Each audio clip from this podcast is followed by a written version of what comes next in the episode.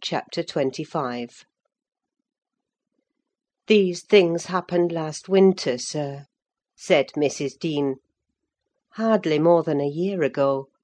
Last winter I did not think at another twelvemonth's end I should be amusing a stranger to the family with relating them.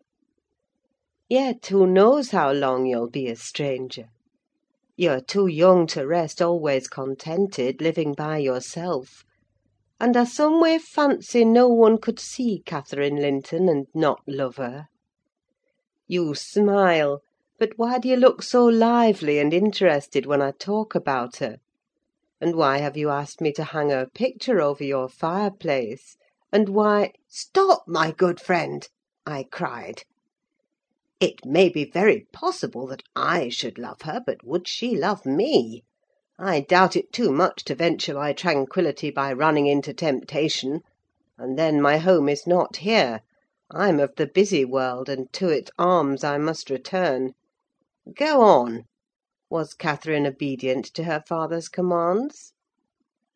"She was," continued the housekeeper. Her affection for him was still the chief sentiment in her heart; and he spoke without anger. He spoke in the deep tenderness of one about to leave his treasure amid perils and foes, where his remembered words would be the only aid that he could bequeath to guide her. He said to me, a few days afterwards, "I wish my nephew would write, Ellen, or call. Tell me sincerely what you think of him. Is he changed for the better? or is there a prospect of improvement as he grows a man?" "He's very delicate, sir," I replied, "and scarcely likely to reach manhood. But this I can say, he does not resemble his father; and if Miss Catherine had the misfortune to marry him, he would not be beyond her control, unless she were extremely and foolishly indulgent. However, master, you'll have plenty of time to get acquainted with him, and see whether he would suit her. It wants four years and more to his being of age." Edgar sighed, and, walking to the window, looked out towards Gimmerton Kirk. It was a misty afternoon, but the February sun shone dimly, and we could just distinguish the two fir trees in the yard, and the sparely scattered gravestones. "I've prayed often," he half soliloquised, "for the approach of what is coming; and now I begin to shrink and fear it. I thought the memory of the hour I came down that glen a bridegroom would be less sweet than the anticipation that I was soon, in a few months, or possibly weeks, to be carried up and laid in its lonely hollow. Ellen, I've been very happy with my little Cathy. Through winter nights and summer days she was a living hope at my side.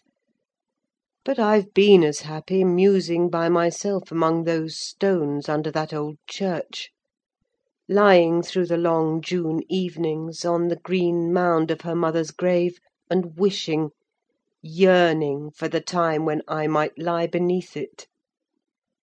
What can I do for Cathy? How must I quit her? I'd not care one moment for Linton being Heathcliff's son, nor for his taking her from me, if he could console her for my loss. I'd not care that Heathcliff gained his ends, and triumphed in robbing me of my last blessing. But should Linton be unworthy, only a feeble tool to his father, I cannot abandon her to him. And, hard though it be to crush her buoyant spirit, I must persevere in making her sad while I live, and leaving her solitary when I die. Darling! I'd rather resign her to God, and lay her in the earth before me.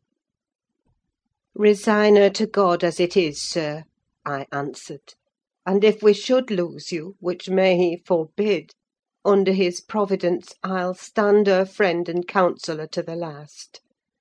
Miss Catherine is a good girl: I don't fear that she will go wilfully wrong; and people who do their duty are always finally rewarded."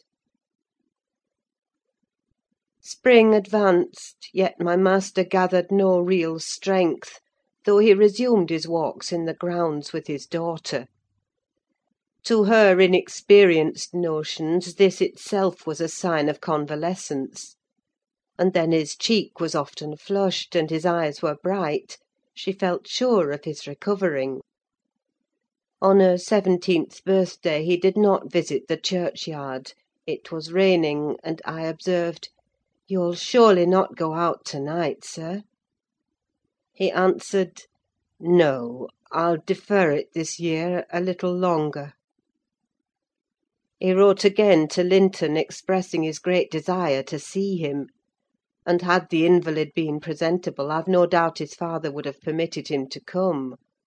As it was, being instructed, he returned an answer, intimating that Mr. Heathcliff objected to his calling at the Grange; but his uncle's kind remembrance delighted him, and he hoped to meet him sometimes in his rambles, and personally to petition that his cousin and he might not remain long so utterly divided. That part of his letter was simple, and probably his own. Heathcliff knew he could plead eloquently for Catherine's company then. "I do not ask," he said, "that she may visit here; but am I never to see her, because my father forbids me to go to her home, and you forbid her to come to mine? Do now and then ride with her towards the Heights, and let us exchange a few words in your presence. We have done nothing to deserve this separation, and you are not angry with me. You have no reason to dislike me, you allow yourself. Dear uncle, send me a kind note to–morrow, and leave to join you anywhere you please, except at Thrushcross Grange. I believe an interview would convince you that my father's character is not mine. He affirms I am more your nephew than his son; and though I have faults which render me unworthy of Catherine, she has excused them, and for her sake you should also. You inquire after my health: it is better; but while I remain cut off from all hope, and doomed to solitude, or the society of those who never did and never will like me, how can I be cheerful and well? Edgar, though he felt for the boy, could not consent to grant his request, because he could not accompany Catherine. He said in summer, perhaps, they might meet; meantime, he wished him to continue writing at intervals, and engaged to give him what advice and comfort he was able by letter; being well aware of his hard position in his family. Linton complied, and had he been unrestrained, would probably have spoiled all by filling his epistles with complaints and lamentations; but his father kept a sharp watch over him, and of course insisted on every line that my master sent being shown; so, instead of penning his peculiar personal sufferings and distresses, the themes constantly uppermost in his thoughts, he harped on the cruel obligation of being held asunder from his friend and love; and gently intimated that Mr. Linton must allow an interview soon, or he should fear he was purposely deceiving him with empty promises. Cathy was a powerful ally at home; and between them they at length persuaded my master to acquiesce in their having a ride or a walk together, about once a week, under my guardianship, and on the moors nearest the Grange, for June found him still declining. Though he had set aside yearly a portion of his income for my young lady's fortune, he had a natural desire that she might retain, or at least return in a short time, to the house of her ancestors; and he considered her only prospect of doing that was by a union with his heir. He had no idea that the latter was failing almost as fast as himself; nor had any one, I believe. No doctor visited the Heights; and no one saw Master Heathcliff to make report of his condition among us. I, for my part, began to fancy my forebodings were false, and that he must be actually rallying when he mentioned riding and walking on the moors, and seemed so earnest in pursuing his object.